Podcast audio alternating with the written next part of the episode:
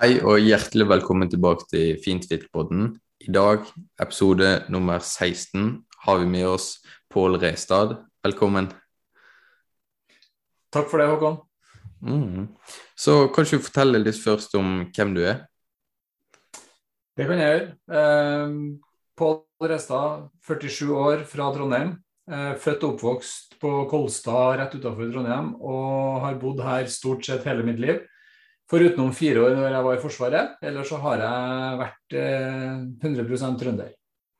Eh, gift eh, og har eh, ett barn sjøl og to bonusbarn som er da ungene til kona mi. Så eh, i dag, hva driver du med eh, i jobbsammenheng? I dag så er jeg vel egentlig strengt tatt eiendomsinvestor på heltid. Jeg jobber i mitt eget uh, AS, um, og jeg jobber utelukkende med eiendom. Det er da utleie, og så er det litt kjøp og salg. Og jeg, driver, jeg bruker mye av tida mi på et nytt selskap som heter MySpot Living som jeg jobber sammen med to andre partnere. En som er, eier 80% av firmaet, eh, som står for eh, størstedelen av kapitalen. Og så er det meg og en partner til. Og det har vi gjort siden 2019.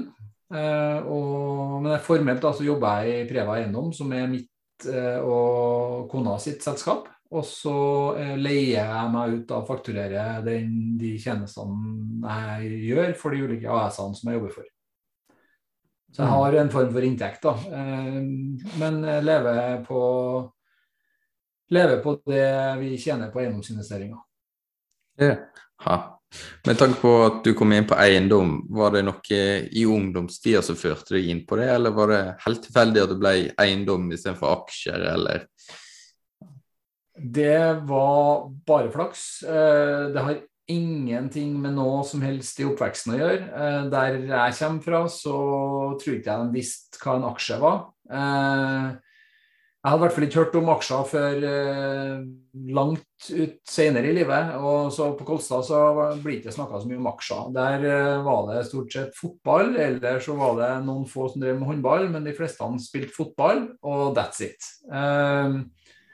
Så nei, det var helt tilfeldig. Og jeg var jo som sagt fire år i Forsvaret og hadde, gikk befalsskole, hadde utdanning der. Og så jobba jeg noen år i Forsvaret, og så skulle jeg da bli sivil etter fire år. Da begynte jeg å studere økonomi. Eh, det var helt tilfeldig, for jeg visste ikke hva jeg skulle bli. Og da sa folk til meg at hvis du ikke vet hva du skal bli, så må du studere økonomi. Så da gjorde jeg det. Og når jeg kom inn etter å ha vært der en stund, så ble jeg spurt av en som hadde begynt å jobbe som megler, som hadde gått det samme studiet som meg året før, og lurte på om jeg ville bli meglerassistent til ham. Og da, Det var en ekstrajobb. da, På den tida så jobba jeg på bensinstasjon. Eh, og tenkte at det hørtes spennende ut, så jeg kunne prøve det. Og det var rett og slett eh, sånn jeg ramla inn i, innenfor megling. Eh, og ja, vips, ni måneder senere så syntes jeg det var så kult at jeg begynte å jobbe på heltid som eiendomsmegler. Jeg gikk til sjefen og sa at jeg har lyst til å begynne å jobbe som megler. Og han sa at men Pål, du må gjøre ferdig studiet ditt først. Og så sa jeg at nei, eh, jeg vil begynne nå. Så det var i januar, januar i 2000. Og da, etter litt fram og tilbake, sier han ja, ok, greit, du skal få begynne. Eh, men du må ta studiet på, på kveldstida og fullføre det. Så sa jeg at ja, jeg skal gjøre det jeg kan.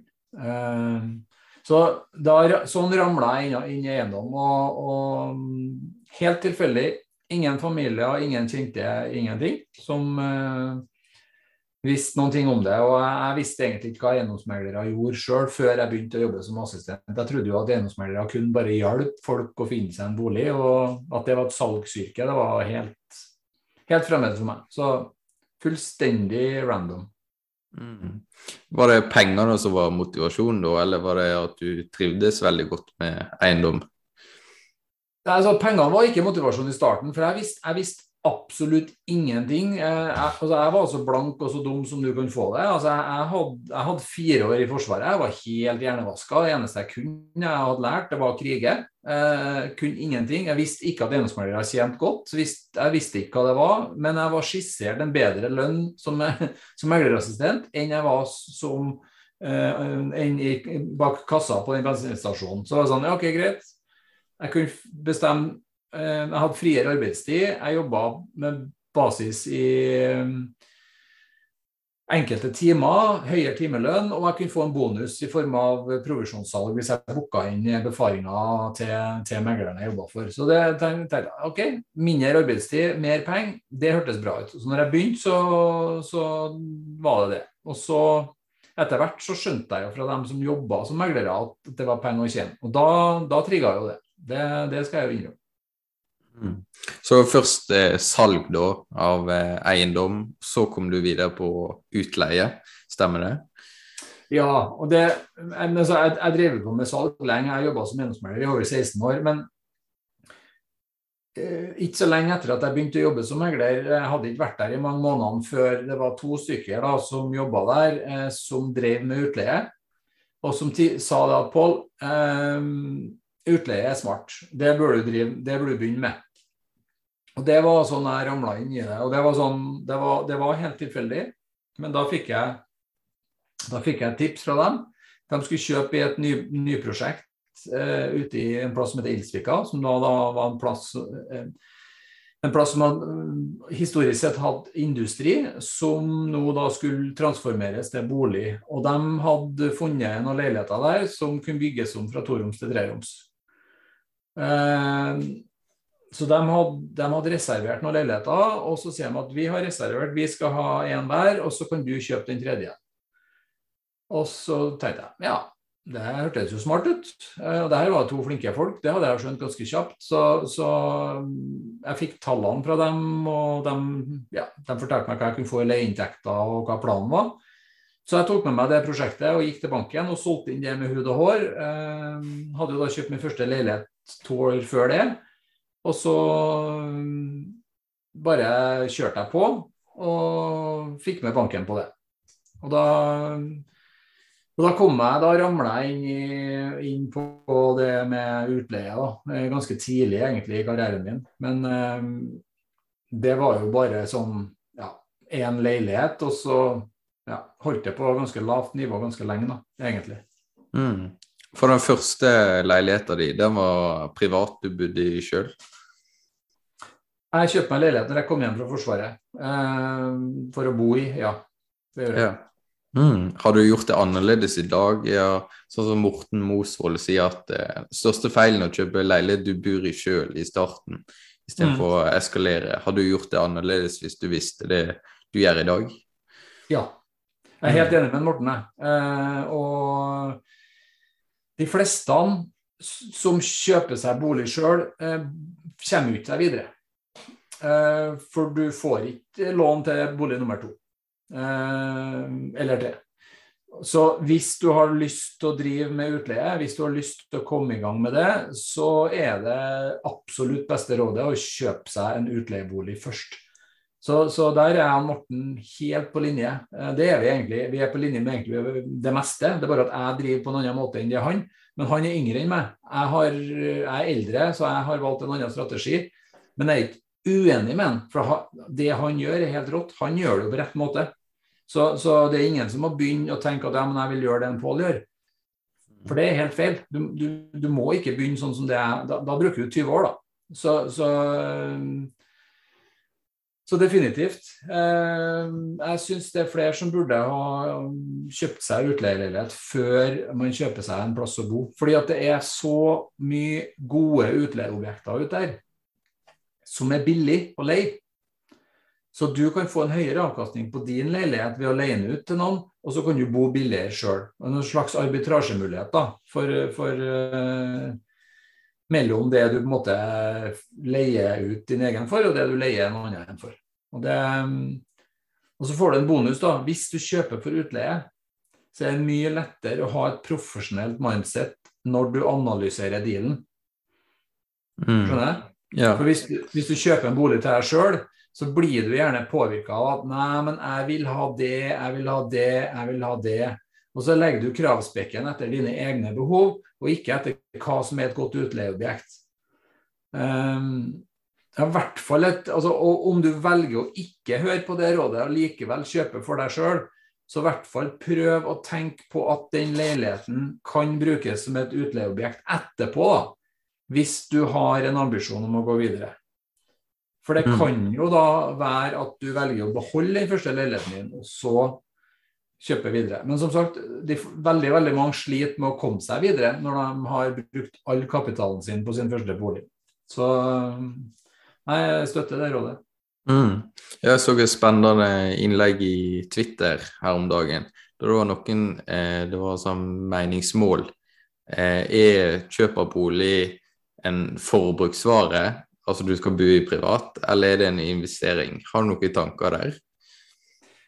Ja, eh, det har jeg. Eh, Det, det, har jeg det har jeg kommentert i den boka, den første boka som jeg skrev i Utleieguiden, 'Boligutleie fra A til. Der har jeg kommentert litt rundt det. fordi at en bolig er ikke en investering med mindre du har leieinntekter på den.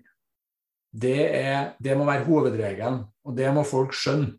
Og det er det ikke så mange som skjønner, skjønner i Norge. For man er så vant til å høre at men bolig er jo så bra, det, det, det tjener du penger på, det er en investering. I utgangspunktet så er det ikke det. Det er, det er et forbruk. Det, du, har, du, du kjøper en ting som du har masse utgifter på. Du har ingen inntekter på den, med mindre du har kjøpt med leieinntekt. Da, da kan det bli noe annet. Eh, en vanlig bolig som uten leieinntekter er det Rich Dad Poor Dad ville ha sagt en liability. Det er ikke en asset. Eh, og så må vi legge til et lite men. For i Norge så har historisk sett egen bolig blitt en investering pga. den voldsomme prisveksten. Så sjøl uten leieinntekter så har folk tjent masse penger på eiendom, ikke sant? Så, men det er viktig at folk er klar over at det er kun prisveksten som gjør det elementet, og som egentlig bryter den økonomiske loven som, som tilsier at egen bolig egentlig ikke er en investering. Mm. Ja, jeg er helt enig. Men hvis man kjøper en eh, privat bolig da, og selger den videre eh, senere, så er det gjerne arving. Eh, altså det blir en investering for arvetakerne eh, hvis du kjøper boligen billig, men det blir ikke en investering for deg sjøl.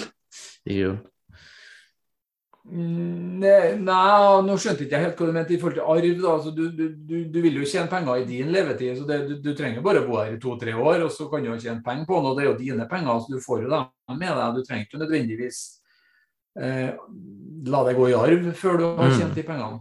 Ja, men tenk bare hvis du kjøper en bolig som du har tenkt å bo i resten av livet. Du kommer ikke til å realisere gevinsten før eh, arvetakerne, da.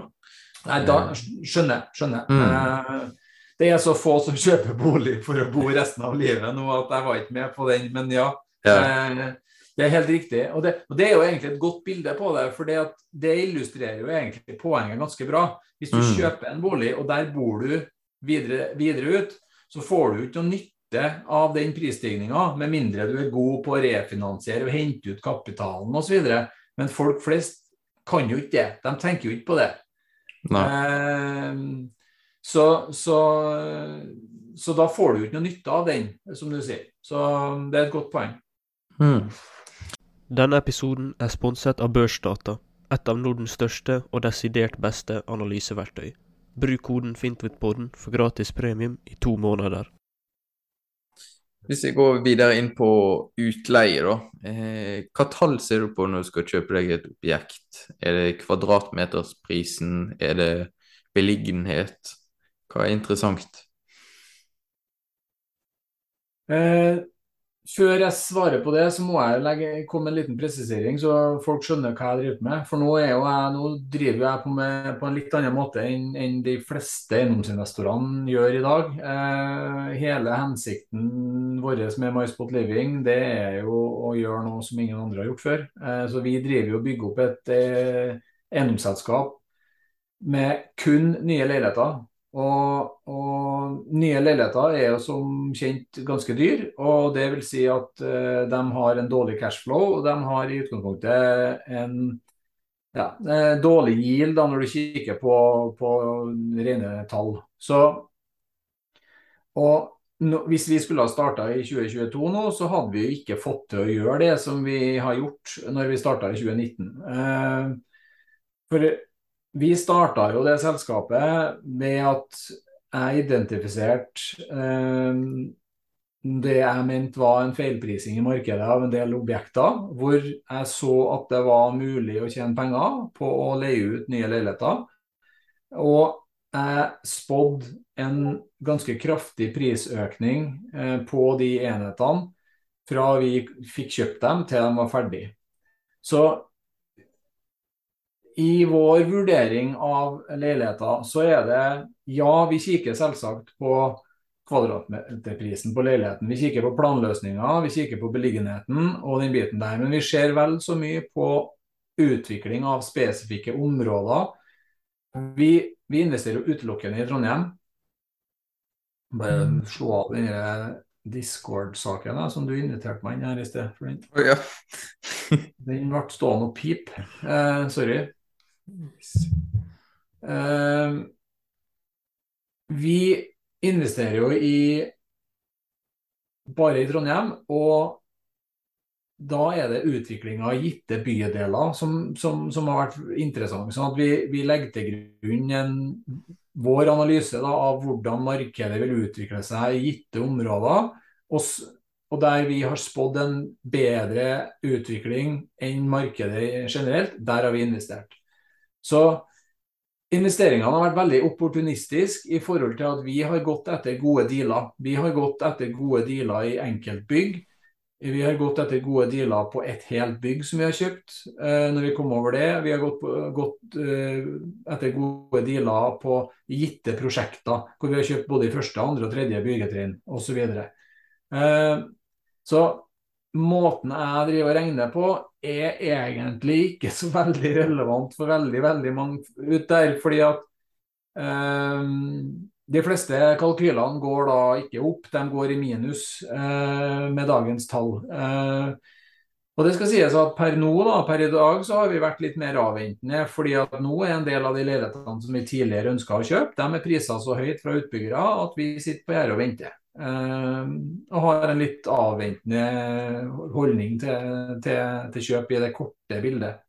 Fordi at ting har blitt så dyrt. Uh, men jeg har jo Jeg har jo Jeg vet jo hvordan man regner på den tradisjonelle måten. Uh, og har jo en kalkyle som jeg bruker på privatboliger, skulle du si, vanlig klassisk. Og så har jeg en litt annen kalkyle som jeg bruker for de investeringene vi gjør i AS, da, som er på større enheter, større ting. Ja. ja. Vi hadde en annen eiendomsinvestor inn da, eh, Rajiv Lehareitan. Og han var veldig på det eh, om du driver privat, så er ikke det eh, metoden å gå for, da. Men når dere driver så stort, så er det kanskje mer eh, lukrativt. Og kan hva dere driver med, ikke minst. Du, ja. Eh, du, jeg bruker, grunnen til at vi driver med det jeg driver med, er jo for at jeg har jeg var jo borte i nybygg allerede som ung eiendomsmegler i, i 2001, eh, som sagt, og, og, har drevet på med nybygg i, i, alle de år, i en eller annen rolle i, siden det. Og bruker mye av den kunnskapen som jeg kan der. Eh, jeg vil jo, noen vil jo si at det jeg driver med er spekulasjon, og til deg så vil jeg si at det har de helt rett i. Eh, det er en viss form for spekulasjon i det. Eh, og så er det noen som sier ja, men spekulasjon det er jo da risiko. Eh, det har de jo også selvsagt rett i, men risiko er relativt. Og jeg mener jo at det jeg driver med er mindre risikofylt enn om jeg skulle begynt å flippe av boliger. Men for en annen en så vil det være mer risikofylt å gjøre det jeg gjør, enn å flippe boliger. Det handler om kompetanse og det handler om erfaring. Um, og, men jeg er helt enig. altså det det er jo, jeg var litt tilbake til det som jeg sa i sted, det er jo ikke måten å gjøre det på hvis du skal drive med eiendom. Eh, så kan du ikke kjøpe nye leiligheter og basere deg på det. Altså, da blir du holdende på som meg. Da Da blir du brukt 20 år da, før du kommer opp i fire enheter. Sånn, ja? Og Det er jo mm. det folk ønsker. Eh, og Da må du ha andre objekter. Og, og skal du også begynne med AS og begynne å bruke cashflow til å kjøpe nye objekter, og, og, så, så, er du avhengig av, av uh, å kjøpe ting som er slitt. Tilfør verdi i form av oppussing og gjerne ekstra soverom osv. Gjør, gjør det på den tradisjonelle måten. Uh, øk kontantstrømmen. Få refinansiert, henta ut kapital eller i hvert fall brukt kapital til neste kjøp. Da kan du gire mye mer. Da kan du øke eh, takta mye mer. Men eh, det er som sagt det er ikke det jeg driver med, og det var ikke hensikten med MySpot Living. Eh, vi hadde en helt annen Vi, vi skulle tjene penger. Eh, det, det, var basisen. Og, og det, det, har vi gjort. Vi har eh, har, ja, vi har en egenkapitalavkastning på over 200% siden vi starta. Så, så, de tallene som vi, de verdiene som er skapt, det er det ingen som kan kritisere, men det er ingen som vet, vet dem. Uh, mm. For det, du klarer ikke å lese det ut av regnskapet vårt. Det, men jeg vet dem. Så det har fungert. Men det, det, du klarer ikke å se det ut fra et regneark. Og det, det, det klarte ikke jeg. Når, jeg, når vi starta, så var det ingen som syntes at arkene mine så bra ut. Men uh, det er ingen som er involvert som klager i dag. Nei. Men uh, det går veldig godt, da. Men uh, har dere tenkt tanken å gå over til andre næringer, f.eks. kontorbygg? Har dere sett på det? Nei, overhodet ikke. For det er noe helt annet. Mm. Jeg er ikke i nærheten av å kunne kontorbygg. Helt annen Altså, helt annen idrettsgren, for å si det sånn. Ja. Mm. Mener du at eiendom er den beste aktiva-klassen? Eventuelt hvorfor? ja, jeg mener det. Uh, mm. Men uh, det er litt avhengig av hva du er ute etter. Mm. Uh, for det er jo den evige diskusjonen. Hvis man er på Twitter, så er det den evige diskusjonen mellom ulike aktiva-klasser osv. Og, og, og det, jeg er litt, det jeg er ute etter, er at du, du må skille mellom det å ta vare på kapital og det å skape kapital. Hvis du har penger, så er det jo mye å ta vare på dem. Da skal du få dem til å vokse. Skal, men du, det viktigste er egentlig å ikke tape dem. Okay, mm. sånn, ja? Så det er sånn eh, da, da, Du trenger ikke å jage tosifra prosent avkastning heller på pengene dine hvis du har nok kapital. Da er det, du er happy hvis du har en avkastning som er altså Er du i nærheten av å ligge oppunder 10 så er det superbra. Men ha, ligger du på 4-5% så er det, er det, fint, det. Hvis du har plenty millioner på bok. Ja. Eh, nå er det de færreste som har det. da. Jeg har det ikke. Eh, og, så jeg driver og tjener penger. Og det finnes få aktivaklasser hvor det er større muligheter for å tjene penger innenfor eiendom. Det er litt viktig, syns jeg. Og det er det er det vi prøver å lære bort når vi driver og deler av kunnskapene våre på Twitter eller på blogg eller på ved å være med på podkaster osv. Det er å lære mange unge ut der mulighetene som finnes innenfor eiendom. Men jeg er jo den første til å si at det er jo ikke for alle. Det, det, er jo, det er jo ikke sant jeg sier at alle må investere i eiendom. Overhodet ikke. Det er veldig mange som skal sitte i sofaen sin og ha et kjedelig liv og investere i indeksfond. Det er helt riktig for dem. Eh, for de kommer ikke til å få det til. For de orker ikke å gjøre jobben. Eh, så, så, men det er jo noen så Når jeg sier det, så sier jeg det, litt, sier jeg det for å provosere litt med vilje. Sant, ja? For det er noen ja. som da blir noen, noen, blir litt irritert og sånn. Det er helt supert. Eh, men så er det noen som tenker ha-ha, men jeg skal få det til. Sånn, ja? og, og da, da vil det utsagnet trigge dem. Og det er litt sånn de vil få det til. De bør vurdere å gjøre det. Mm. Eh, så, så eh, eiendom er en helt fantastisk måte å tjene penger på. Og nå er det også mulig for folk å søke kunnskap og, eh, og tilegne seg det. Ja. ja hvordan, når du kommer inn på det, hvordan vil du starte i dag og bygge opp eh, eiendomsporteføljen? Generelt, altså utleie? Hvis jeg har vært helt helt ung, da, det første ville jeg gjort, det er å blitt med i Eiendomshjørnet, som lanseres om en uke. Eh, og Der vi kommer til å dele eh, alt fra en eiendomsinvestor sin hverdag.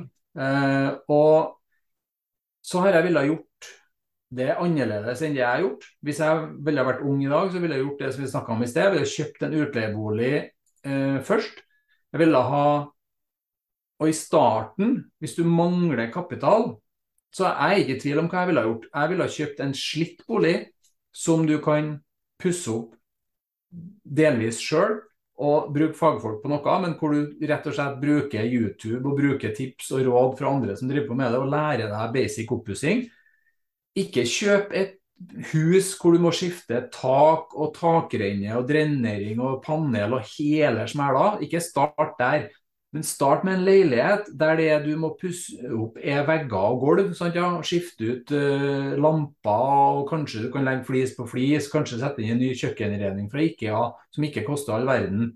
Uh, et epokkjøkken som du får fiks ferdig til under 50 000 sant, ja, med hvitevarer.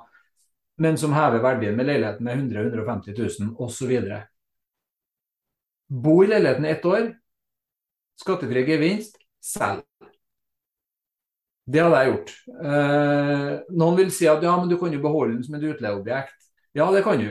Hvis du klarer å skape så mye verdi i den at du kan kjøre Burr-metoden for å refinansiere og hente ut kapitalen din, så må du gjerne gjøre det.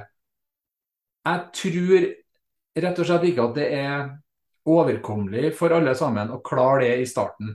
For det å finne ordentlig sånne Burr-boliger, som, som, som, altså Burr er jo by rehab, rent, eh, rent refinance and repeat. Eh, og det er jo Det skal ganske mye til da, å finne de boligene, for du skal da gjerne ha en cashflow på nei, altså, Du skal ha en avkastning på nesten 10% da, for å få det der til å gå i hop, for at banken skal la deg refinansiere ut og, og gå videre. Så får du til det, topp. Men hvis ikke, kjør flipping, men bo der sjøl. Og melder du flytting i starten, sant, så bor du der mens du driver og pusser opp resten av leiligheten, så kan du bo litt kummerlig, det er ikke så farlig. Ofre litt på det. Og så er det jo da Det finnes jo ikke andre noen bedre måter altså, enn å drive og ha skattefri avkastning på pengene dine. Og så etter et år så kjøper jeg en ny bolig. Og så ikke til det med skatten òg. Det har jeg skrevet om i boka. Du må bo der i over et år før du selger. Det holder ikke å ha overtagelsen etterpå. Så du må bo der eh, nok før du selger, før du aksepterer bud. Det er det mange som rykker på en smell på. Mm. Ja. Og videre fra første, så er, er det noe spesielt bygg du hadde gått for? Er det kjøre leiligheter, mindre prosjekter, eller er det å Ja, eh, det er vel egentlig uansett finne best mulig gild. ja, det er jo det. Altså er folk forskjellige. Så jeg synes det det er vanskelig å gi ett felles råd til alle. fordi at eh, det handler jo litt om hvor mange tommeltotter du har. Eh, noen kan jo klare å pusse opp en leilighet, men de klarer ikke å pusse opp et hus. Noen klarer ikke engang å pusse opp en leilighet. Ok, Greit, alle gjør det med noen som kan, ja. kanskje inngå et partnerskap med noen.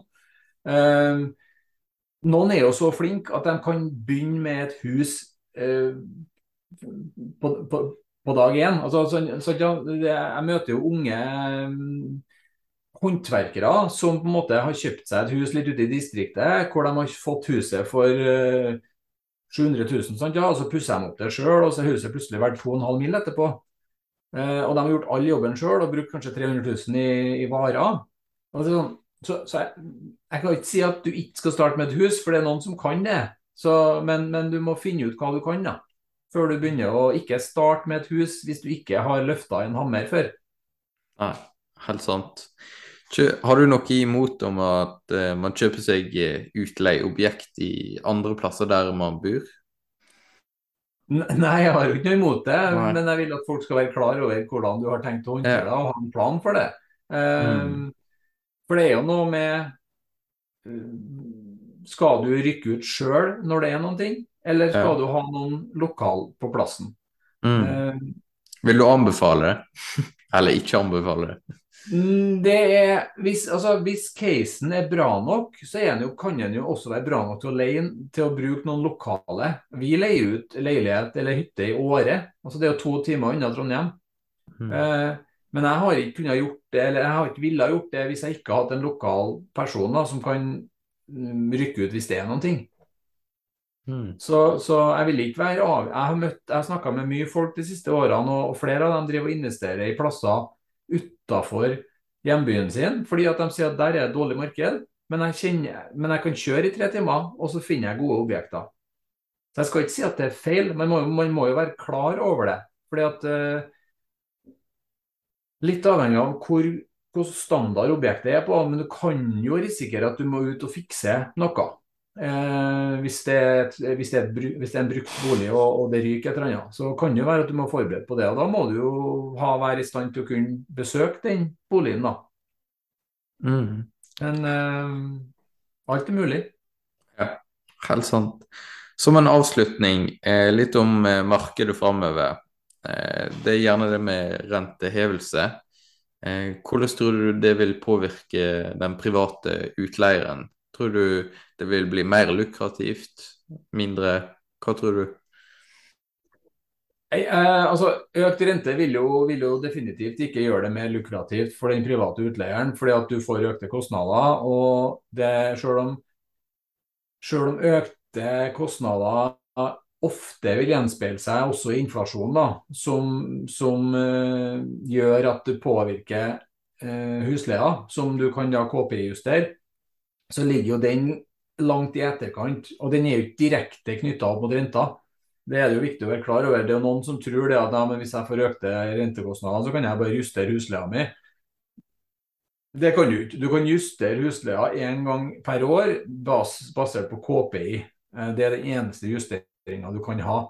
Så hvis renta går opp mye, så får du økte kostnader. Så det er, jeg håper jo at de fleste private investorene har tatt høyde for at renta skal gå opp, og ikke har eh, latt seg blende av den lave renta vi har hatt. Um, så, jeg, så jeg håper folk klarer å sitte gjennom da, eh, den perioden som blir. Og så får vi se hvor høy den renta faktisk blir, og hvor lenge det varer. For eh, jeg tilhører jo en av dem som mener at eh, norske folk er så forgjelda at vi ikke takler høy rente noe særlig lenge. Eh, og nå mener jeg ikke at vi har høy rente nå, altså. Så det er ikke sånn at folk takler det nivået vi har nå. Det er ikke det jeg mener. Men hvis man begynner å skru til sånn at boliglånsrenta begynner å nærme seg 5% ut til folk flest, da tror jeg du skal få se et litt annen stemning ute i markedet. Og da tror jo jeg at det ikke tar så lang tid før renta går ned igjen. Men, eh, men eh, fordi at alt kommer til å stoppe opp. Eh, Og da, holder, da, og da må man sørge for at man er skodd, sånn at man kan holde gjennom den perioden da, på de objektene man har. For da er det gjerne ikke noe gunstig tidspunkt å selge akkurat da. Nei, helt sant. Jeg så det ble lagt ut på Twitter om dagen, der det var flere som mener at det har kommet mange bra objekt ute, da. Eh, kanskje pga. noen har fått eh, nervene med at, nerver, nei, med at renta skal stige. Om det kan ha en sammenheng, eller om det er helt tilfeldig. Det vet ikke vi. Ja, jo, men altså, for, det, altså Det kan godt være. Eh, men, men nå har jo ikke markedet rukket og blitt påvirka noe voldsomt grad av renta ennå. Eh, men altså, overalt hvor vi altså, Ta Twitter, da, spesielt. Men også ellers i markedet. altså Det, det kryr jo av folk som sitter og håper på at boligprisene skal gå ned. sant ja? Eh, de fleste av dem er ikke inne på boligmarkedet. Eh, Det er veldig mye unge journalister som ikke er inne på boligmarkedet, som gjerne ser at boligprisene går ned. Eh, Det er dem som har spådd boligmarkedet ned i 20 år, som gjerne ønsker at de skal få rett snart. Eh, Og all økonomisk teori tilsier jo at ved økt rente så skal prisene litt ned. Det er jo enkel, enkel økonomisk teori. Eh, eneste som folk glemmer der, det er at økonomisk teori er basert på rasjonalitet. Og norske boligmarkedet er så langt unna rasjonelt som du kan få det. Så vi får se. Da vil jeg bare takke for at du kunne stille i denne episoden. Ja, veldig hyggelig. Takk for at jeg ble eh, invitert. Mm. Så snakkes vi i neste episode. Takk for nå.